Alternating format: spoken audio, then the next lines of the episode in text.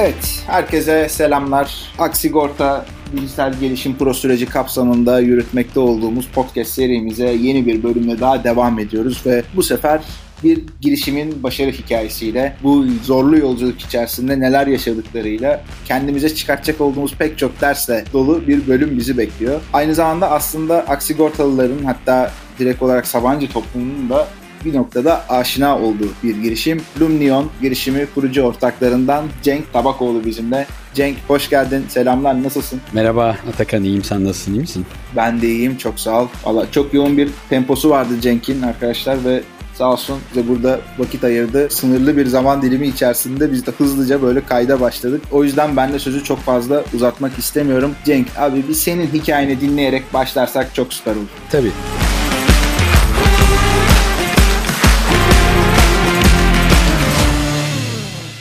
Aslında uzun yıllar kurumsal çalışmış bir insanım. Yani ilk girişimcilik deneyimimiz diyebiliriz. Biraz da belki normal diğer girişimci arkadaşlara göre biraz daha ileri bir yaşta bir deneyim baktığımızda. Yaklaşık 20-25 senelik kurumsal geçmişim var benim. Bu daha çok bankacılıkta devam eden. Citibank'ta bir 10 küsür sene çalıştım. Hem yurt dışında hem Türkiye'de belli pozisyonlarda. Sonra yine Bank'ta bireysel bankacılıktan sonra genel müdür yardımcılığı yaptım. En son olarak da buraya gelmeden eski adıyla Aviva, yeni adıyla Unico Sigorta'nın CEO'suydum. Sonrasında bir girişimcilik deneyimiyle de şu anda Lumnion'dayız. Tamamdır süper. Yani her iki tarafı da deneyimlemiş birisi olarak aslında şu anda burada oturuyorsun. Bu da açıkçası dinleyicilerimiz açısından daha iyi bir durum. Çünkü zaman zaman yalnızca böyle direkt girişimciliğe başlamış konuklarımız olduğu zaman böyle karşılıklı empati kurmayla ilgili birazcık şey olabiliyor. Ufak tefek eksik noktalar kalabiliyor. Burada sen o empatiyi de çok rahatça kuruyorsun. Seni dinleyenler de kurabiliyor olacak. Evet kurumsal hayatta da epey bir tecrübemiz oldu. İyi ve kötü taraflarında yakından gözlemleme fırsatı bulduk. Harika. Oralara da ufak ufak değiniriz diye düşünüyorum. Tabii ki. Şimdi birazcık şunu merak ediyorum. Bu alana odaklanmaya abi nasıl karar verdiniz? Zaten ekosistemin içerisindeymişsiniz yani bu alanın ama sizi ne tetikledi? Bu alanda böyle yaşanılan bir problem mi gördünüz? Pazar büyüklüğü mü ilginizi çekti? Yoksa tamamen geçmiş deneyimlerinden ya biz bu işleri yaparız buralarda eksiklikler var deyip mi girdiniz? Yoksa başka bir şey mi? Tabii bu aslında benim de sektörde çalışırken yaşadığım sıkıntıların nasıl çözüleceğiyle ilgili bazı kendi şirketimizde de o dönem çalıştığımız çözümler ararken biraz da aklımıza gelen fikirler. Bir yandan da benim iki tane daha ortağım var. Arenaddeler ve Rayalpan. Onlar da yine Sabancı grubunda da çalışmış arkadaşlarımız zamanında. Onların kurduğu bir şirket aslında Lumnion. 2017 yılında kuruluyor. Ben sonradan katıldım. 2020 yılında yani 2019 sonu 2020 yılında kendilerine katıldım. Orada tabii bizim bu sektörde yaşadığımız ve gördüğümüz sigortacılıktaki ihtiyaçlar yine keza onların yaptıkları projelerde onlar da sigorta sektörü odaklı danışmanlık veriyorlardı. Yaptıkları gördükleri sıkıntıların aslında aslında bir araya gelmesiyle oluşan ve bizim de yani biraz da şans tabii yani böyle kahve içerken tekrar karşılaştığımız yıllar sonra biz birlikte bir Akbank'ta çok kısa çalışmıştık üçümüz. Oradan bir tanışıklığımız vardı. Karşılaştığımızda işte benim böyle bir sektörde ihtiyaç olduğu ve fikrim olduğunu söyledim. Onların da özellikle yapay zeka makine öğrenmesi tarafında çok güçlü kasları olduğu yani ikisinin uzmanlık alanı zaten ve işte yazılım geliştirme. Üçümüz tabii bir araya gelince böyle ortaya ihtiyaçlardan da doğan ve bir çözüm geliştireceğimiz tabii pazarın da büyüklüğünü de düşünerek en nihayetinde bir iş kuruyorsun yapıyorsunuz. Yani bunun ticari olarak da bir başarı sağlaması lazım. Pazarda da böyle bir ihtiyaç olduğunu ve büyüklüğünde düşünerek aslında yurt dışında daha çok bu işi yapmak için kurduğumuz bir iş oldu baktığımızda. Tamamdır süper. Aslında bir önceki soruda soracaktım ama yanlışlıkla atladığımı fark ettim. Bir yandan da bu akış da böyle sanki güzel oluyormuş gibi geldi. En sonunda duruma karar veririz abi. Ben o atladığım soruyu da şimdi şey yapayım. Soruyorum. Lumnion kimin hangi problemini nasıl çözer? Biz şimdi burada kurum içi girişimlerle çalışırken hep bunun vurgusunu yapmaya çalışıyoruz. Bakın kime çözüm üretiyorsunuz? Hangi problemini çözüyorsunuz ve nasıl çözüyorsunuz konusu çok net olmalı diyoruz. Bu konuda senden de bir yorumu alırsak Lumnion'la ilgili güzel bir örnek olur diye düşünüyorum. Yani Lumnion B2B çalışan bir şirket birincisi. Yani sigorta şirketleriyle çalışıyor. Sigorta şirketlerinin belli sorunlarını çözmeye odaklanmış bir şirket. Bugün baktığımızda yani niye biz bu işe girdiğimiz çözeceğimiz diye baktığımızda tabii ki bir problemi çözmeniz lazım ki ondan bir iş çıksın. Bizim burada çözmeye çalıştığımız problem de eski dünyaya ait algoritmalarla ve biraz da eskimiş araçlarla yapılan sigortacılıkta özellikle hayat dışı sigortacılıktaki risk fiyatlamasını daha yeni algoritmalar, makine öğrenmesi ve yapay zekanın kullanımıyla yapan bir platforma geliştirmek ve bu platformu sigorta şirketlerinin kullanımına sunmak. Bugün baktığımızda sektörde hangi raporu okursanız okuyun. İşte bunlar McKinsey'nin raporu olabilir, Deloitte'in olabilir. Zaten ki bunları da okumaları okumalarını da tavsiye ediyoruz arkadaşlarımızın. Okuduğumuzda birkaç şey öne çıkıyor. Bir, sigortacılıkta makine öğrenmesi algoritmalarının fiyatlamada kullanılması. Böyle bir trend var. Herkes bunu yapmak istiyor fakat burada bir şeffaflık sıkıntısı var. Yani bir transparency dediğimiz İngilizce. Bunları bir şeffaflık getirmesi gerekiyor. Black box bunlar, kara kutu algoritmalar. Bir ikincisi de dış verinin kullanımıyla sigorta şirketinin müşterilerinin verisini zenginleştirilip müşterinin 360 derece bir görünümünün elde edilmesi. Aslında böyle bir trend ve böyle bir ihtiyaçtan doğan bir platform Lumnion'un geliştirdiği işte yapay zeka tabanlı risk fiyatlaması ya da fiyatlama platformu diyelim. Sadece risk fiyatlaması da yapmıyor. Risk fiyatlamasından işte sağ fiyat yönetimine oradan davranışsal fiyatlamaya kadar ki dış verinin de kullanımıyla götüren bir süreç ve çözümümüz var bizim. Anladım abi süper. Türkiye'de gün geçtikçe tabii ki şey artıyor, pazar artıyor. Birazdan burada sonlara doğru aslında trendlerle ilgili de senden birkaç yorum alacağız ama gerçekten tebrik ediyoruz. Çünkü coin olarak bir süredir çeşitli alanlarda böyle raporlar yayınlıyoruz. Bunun içerisinde InsurTech'e falan da baktık ve Türkiye'de halen daha böyle aşırı gelişmekte olan ve daha gidecek çok da yolunun olduğu bir alan olduğunu burada keşfediyoruz. Doğru. Siz de burada bir aile önemli, güzel bir öncü rolü, iyi bir örnek teşkil ediyorsunuz. Gerçekten elinize, emeğinize sağlık demek istiyorum. Teşekkür ederiz. Şimdi öncülük etmekte şöyle bir ilginç de bir şey var. Tabii biz bu işi kurduğumuzda hani Türkiye için kurmadık, yurt dışı için kurduk ama Türkiye'den böyle çok da çıkmış bir InsurTech de yok. İşte hani sizin de belki takip ediyorsunuz. Evet, evet. Dolayısıyla biz orada böyle bir kendimize de hani bu benzetmeyi de yapıyoruz. Bir buz kıran görevi görüyoruz. Yani Türkiye'den çıktık, kıra kıra kıra kıra Almanya'ya kadar kadar geldik şu anda. İşte e, yurt dışında da müşterilerimiz oluşmaya başladı ve gerçekten yani bundan sonra arkamızdan gelen Türk startupları için de insurtech alanında ciddi bir yer açıyoruz ve yol açıyoruz. Yani o anlamda da kendimizi böyle hakikaten buz kıranın gemisine benzetiyoruz. Kesinlikle katılıyorum. Eminim ki gün geçtikçe sizin abi bu alanda bizim de bir girişim fikrimiz var. Bize vakit ayırıp mentor görebilir misiniz diye de kafanız sıkça çalınacaktır. Belki şu anda çalınıyordur bile. Bu arada normal akışımızda yoktu ama çok kısaca bu yurt dışına açılma, yurt dışından müşteri edinme, Almanya'ya doğru gidiş süreçlerinizden de bahsedebilir misin acaba? Tabii ki. Yani o tabii bizim için çok heyecanlı bir süreç. Çünkü kurulduğumuzdan beri bizim hep nihai amacımız hep yurt dışında ve global olarak bu işi yapan bir numaralı firma olmak. Yani ciddi büyük rakiplerimiz de var. Çok da rakibimiz de yok bu arada. Çünkü burası böyle niş bir alan oynadığımız alan. 3-4 tane hani dünyada da bunu yapan şirket var. Onların hani birincisi olmak istiyoruz. Bunu yapabilmemiz için de tabii yurt dışında pazar geliştirme yapmamız lazım. Biz daha birinci günden planlarımızı hep buna göre yaptık ve kendimize yurt dışına açılma noktası olarak da ilk başta Avrupa'ya seçtik seçtik. Avrupa'da da Almanya'yı seçtik. Almanya'da iki tane federal hükümetin desteklediği sigortacılık teknoloji üzerinde hub var. Bu hubların biz ilki Münih'te, InsurTech Hub Münih. Buraya kabul olduk. 250 tane başvuran şirketin içerisinden seçildik ve final rounduna kadar geldik. Son 9 şirketin içerisinde finale kaldık. Orada da ciddi yatırımcılar ve e, şu anda işte müşteri potansiyeliyle görüşüyoruz. Yine diğer hub olan Köln'deki Insure Germany diye geçiyor. Yani bütün Almanya'nın Insure oraya da kabul olmuş. İlk Türk şirketiyiz tabii. O anlamda anlamda da şirketimizi de kurduk Almanya'da. Geçen hafta itibariyle artık önümüzde biraz daha orada faaliyetlerimizi arttırıp yurt dışı pazarlara da girmeye de başladık hızlıca. Anladım. Süper. Hayırlı uğurlu olsun.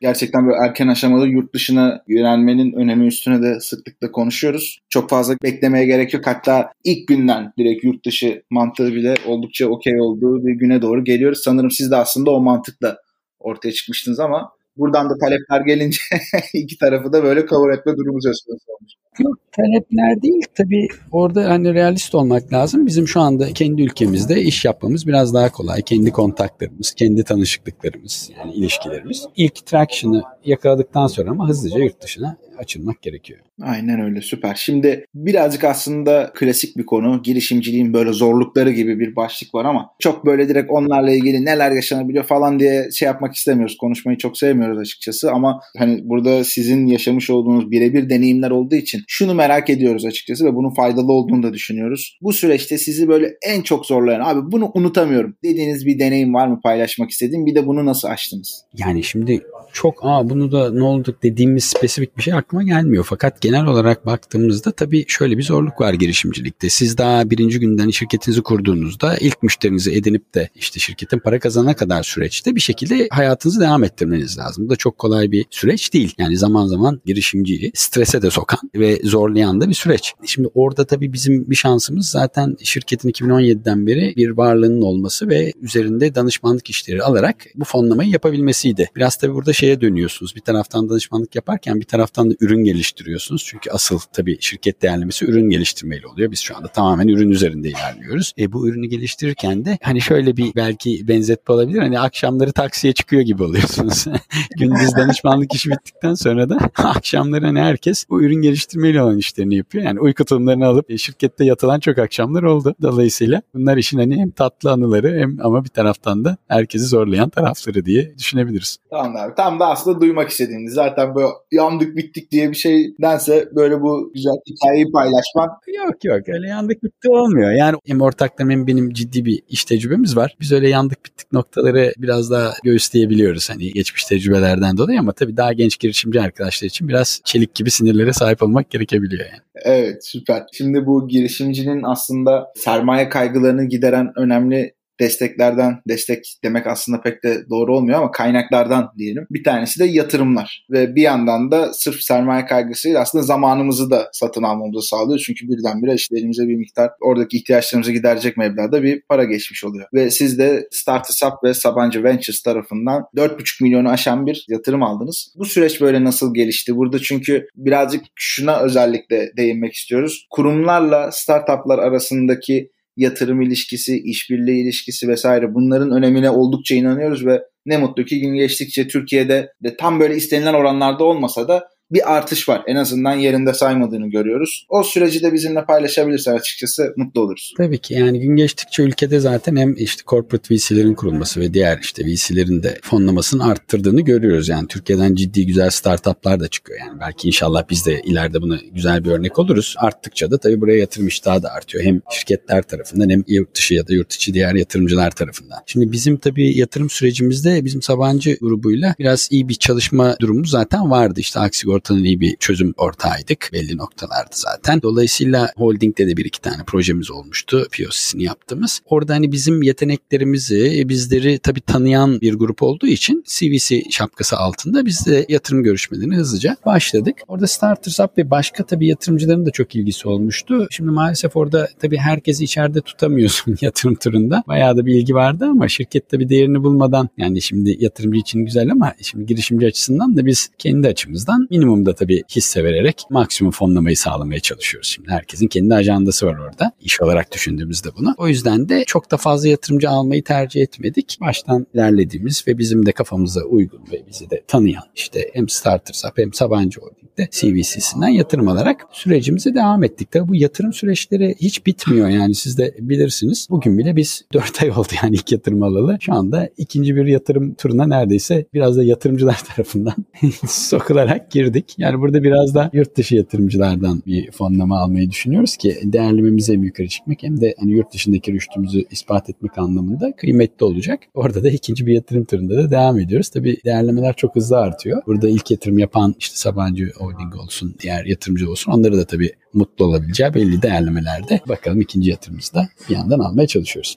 O süper. Bu tarz böyle bizim gibi yayıncıların da şeyidir yani bu tarz böyle küçük böyle gossipleri böyle yakalamak. böyle önden gossipleri veriyor ama tabii böyle önden haberleri gelecekte de şu gelecek diye böyle bir tüyoları almak güzeldir. Onun için de teşekkür ederiz. Yani çok hızlıca tabii değerlemeler artıyor. Yani bizim hani rakiplerimizin de aldığı fonlama seviyelerini ve onların değerlemelerine baktığımızda bizim şirketin de çok ciddi bir değerlemeye doğru gitmesi gerektiğini zaten görüyoruz. Süper. Kesinlikle. Bu konuda da o süreçte de tekrardan yolunuz açık olsun diyorum. Şimdi bu işbirlikleriyle ilgili biraz önce hafiften bir şey yapmıştık, dokunmuştuk o tarafa doğru da. Oraya biraz daha böyle bir girmek istiyoruz. Çünkü bu kurum içi girişimcilik süreçleri aslında bir noktada kurumların girişimlerle olan işbirliklerini de destekleyebilecek olan ve birbirinden böyle karşılıklı beslenmesi gereken süreçler. Bu konuda bu tarz böyle işbirliklerinin artısı, eksisi, zorluğu, kolaylığı veya bu süreçlerde hem işte büyük ölçekli bu kurumların hem de girişimlerin dikkat etmesi gereken ne gibi önemli noktalar var? Bununla ilgili deneyimleri paylaşırsan güzel olur. Tabii kurumlarla startupların işbirliği inanılmaz önemli ve çok kıymetli. Yani biz bu ürünümüzü geliştirirken de Aksigorta'yla da başka önde gelen birkaç tane daha sigorta şirketiyle de sağ olsunlar onlardan hani kabul ettiler. Ciddi işbirlikleri yaptık. Şimdi hiçbir zaman bizim tabii know-how'ımızın bu sigorta şirketlerinde yıllardır çalışan arkadaşlarımızın aktüeryal en azından know-how anlamda. Çünkü biz fiyatlamaya bakıyoruz ya burada bir aktüeryal beceri ve bilgi gerekiyor mesela. Teknik bir konu bizim işimizde. Onların bize bize verdiği fayda inanılmaz oldu. Yani ürünün şurasını şöyle dizayn etsek, böyle yapsak, biz bunu kullanırken şuna bakıyoruz. Siz ona daha uygun bir şekilde bu ürünü yaptınız, yapsanız ve çıkarsanız dediğiniz noktalarda inanılmaz kullanıcı dostu bir ürün çıktı ortaya. Ve şu anda hani biz yurt dışına da gittiğimizde bize söylenen en önemli feedback, geri bildirimlerden biri ürününüz çok kullanıcı odaklı ve çok basit kullanımı. Yani bizim bunu sağlamamız bile gerçekten bu kurumlarla yaptığımız işbirlikleri sayesinde oldu. Burası çok kıymetli. Tabii burada dikkat edilmesi gereken ne var derseniz hani o kurumların içerisinde çok da kaybolmamak da lazım bir arada. Çünkü büyük yapılarda bazen doğru kişiyi bulmanız bu işlerle ilgili konuşacak ve ondan işte verim almanız hakikaten zor olabiliyor. Baktığınızda şimdi herkesin kendine göre bir zamanı ve bir ajandası var. Bir zaman almanız gerekiyor bu arkadaşlarımızdan. Onları tabii işi sahiplendirebilmek, onları da heyecanlandırabilmek bu noktada çok önemli. Yani onların bir sorununu belki zaman içerisinde çözmeye odaklandığınızda biraz daha hızlı ilerliyor işler. Kendisi için de hani size destek veren arkadaşlarımız ve şirketlerin burada bir fayda görmesi gerekiyor. Yani bu faydayı gösterebildiğiniz noktada işler biraz daha hızlı ilerliyor. Fakat hani dediğim gibi kurumsal şirketlerde biraz koridorlarda kaybolmamaya dikkat etmek lazım. Çünkü startup için en kıymetli şey zaman. Hani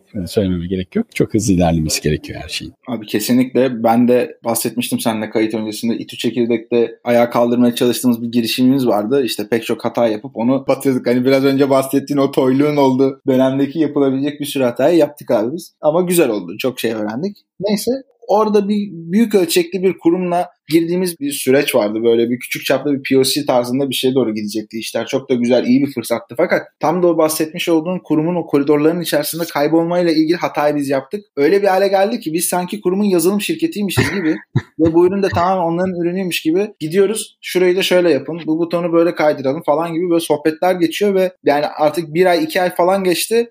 Ondan sonra hem çevremizdekiler bizi tabii bununla ilgili uyardılar. Biz de durumun aslında yolunda gitmediğini fark ettik. Ciddi de bir vakit kaybı olmuş yani. iki ay demek ciddi bir süre. Dediğin gibi girişimci için de çok önemli bir süre ve işin kötü yanı da şu. Yalnızca o kurum için anlamı olan özelliklerden bahsediyoruz. Yani başka bir yere gittiğin zaman bir anlamı yok falan gibi de bir sıkıntı var. Ona çok dikkat etmek gerekiyor. Yani herkesin her istediğini yapmamak gerekiyor. Çünkü Aynen onu yaptığın zaman artık ürün ürünlükten çıkıyor. Projeye dönmeye başlıyor. Çünkü yani o şirketin evet. de bir iş yapış tarzı var. Biz oraya şöyle bir yaklaşım gösteriyoruz. Belki hani dinleyen arkadaşlar için de faydalı olabilir. Bir kurum bizden bir kere bizim ürünün dışında ya siz bu ürünler evet tamam ama ben aslında şöyle bir şey istiyorum dedim onu yapmıyoruz. Kesinlikle. İkincisi de ürünle ilgili de bir geri bildirimi varsa ya bu ürünün burasını böyle yapın dediğinde eğer o istediği şey herkes için validate ediyoruz birkaç kullanıcıyla daha konuşuyoruz. İhtiyaç değilse onu da yapmıyoruz. Yani herkese Hı-hı. genel fayda sağlayacak bir şeyse ve ürünün özelliklerini gerçekten kullanılırlığını daha iyi arttıracak bir noktaysa onu yapıyoruz. Orada biraz dikkat etmek lazım. Gerçekten bu iş böyle yoldan çıkmaya çok müsait bir iş. Yani onu da yapalım, bunu da yapalım dediğinizde onun sonu gelmiyor ve artık ürün ürünlükten çıkmaya başlıyor. Evet, evet kesinlikle çok çok önemli bir nokta. Valla sohbet harika. Ben cidden çok keyif aldım. Bu arada yani ilk defa tanışıyorduk ama hem söylediklerin, anlattıkların bu deneyimler, konuşma, üslup falan her şey çok çok güzel. Yavaş yavaş üzülerek böyle sona doğru yaklaşıyoruz. Son bir iki sorum.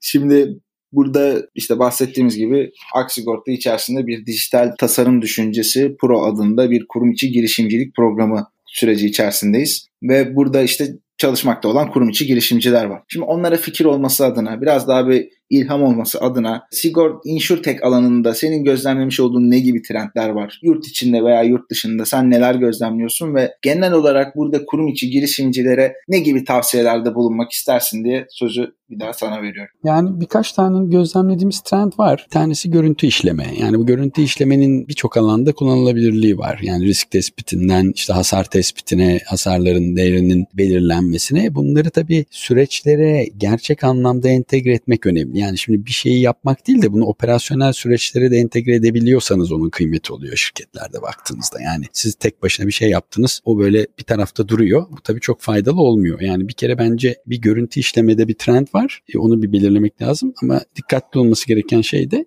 bunların operasyonel süreçleri de entegre edilebiliyor olması. Bir başka yoğunlukla şu anda tabii pandemide de hayata giren konu bütün süreçlerin dijitalleşmesi. Yani burada hem yurt dışında hem yurt içinde ciddi çalışan şirketler var. Güzel yatırımlar da alıyor bu şirketler. Aslında yapılan iş basit Yani mevcut süreçleri dijitalleştiriyorsunuz. Çok böyle hani uzaya gitmenize de gerek yok baktığınızda ama burada çok ciddi bir fırsat var. Bir üçüncüsü de hem fırsat hem bence tehdit yani aksigorta için sadece dijital sigortacılık yapan şirketlerin kuruluyor olması ve büyüyor olması yurt dışında. Yani işte Lemonade gibi mesela örnek olarak bunların en bilineni. Şimdi mesela Allianz gidiyor Lemonade'e yatırım yapıyor. Çünkü Allianz hani Lemonade'i hem bir fırsat olarak görüyor hem bir aslında tehdit olarak görüyor baktığında. Ama bir yandan da ona yatırım yapıyorlar ki hani trendleri kaçırmamak açısından. Belki orada tabii çok hiyerarşik ve büyük yapılarda bunu şirket kurum içerisinde yapmak çok zor. Tamamen dijital bir sigortacıda. Belki kurum dışında sıfırdan bir dijital sigorta şirketinin kurulması düşünülebilir. Bir yine trend de yani bizim de tabii bu yakaladığımız bir trend konuştuk biraz önce. Dış veri kullanımı yani müşterinin 360 derece görünümünün alınması. Yani sadece sigorta şirketindeki ya da işte sigorta bilgi merkezinden çekilen veriyle yetinmeyip o müşterinin biraz daha hayat döngüsünü, ne yediğini, ne içtiğini, nasıl yaşadığını anlamaya yönelik dış verinin toplanıp bunların risk belirlenmesi ve müşterinin bütün süreçlerinde sadece risk belirlenmesi de değil, segmentasyonu ve hizmet süreçlerinde kullanılması bu da yine gördüğümüz bir trend. Anladım abi süper. Valla ağzına sağlık. Çok teşekkür ediyorum. Gerçekten dediğim gibi keyifli bir sohbet oldu, bilgilendirici bir sohbet oldu. Deneyimlerden öğrendiğimiz bir sohbet oldu en önemlisi. Teşekkür ediyorum vakit ayırdığın için. Son olarak kapatırken katılımcılara, dinleyicilere faydalı olabilecek olduğunu düşündüğün, sana bir ilham veren herhangi bir noktada olabilir. Fark etmez. İlla insurtech alanında olması da fark etmez. Kitap, video, bülten, podcast vesaire varsa önermek istediğin son olarak onu da alıp yavaştan kapanışa doğru geçebiliriz. Yani ben tabii biraz daha insurtech'e odaklı olduğum için bu aralar biraz oraları takip ediyorum. Yani orada neler var, nelere evet. bakılabilir. Mesela DIA diye bir oluşum var. Digital Insurance Agenda diye. Bu Avrupa'nın en büyük hani dijital sigortacılık oluşumu diyeyim. Yani bunun toplantıları da oluyor, bültenleri de oluyor. Oraya seçilen şirketler de var ki biz de onların işte bu sene en dikkat edilmesi gereken 100 şirket içerisinde seçtiği bir şirketiz sigortacılık alanında. Ama başka şirketler de var orada yani 99 tane şirket var. Onların ne yaptığına bakıp biraz trendleri yakalamak, onların bültenlerini okumak bence kıymetli kıymetli. Yani bu DIA güzel bir, platform. Yine InsurTech Hub var Amerika'da. InsurTech Hub'ın hani Türkiye'de olanları da var, başka yerde olanları da var. Bu oluşumları takip etmek lazım. Yani InsurTech oluşumlarını. E, İTÜ Çekirdek de bu anlamda mesela sigortacılık tarafında bir şeyler yapıyor. Onları da bir takip etmek lazım. Bir de ben şeyi tavsiye ederim tabii. Yani bu bütün danışmanlık şirketlerinin ara ara yayınladığı raporlar alıyor. Onlara abone olunabilir. İşte McKinsey'nin olsun, BCG'nin olsun, Deloitte'in olsun. Hani trendlerden bahsediyorlar genelde. Buralardan güzel şeyler yakalanabiliyor. Yani benim tavsiye edeceklerim bunlar olur. Tamamdır. Süper.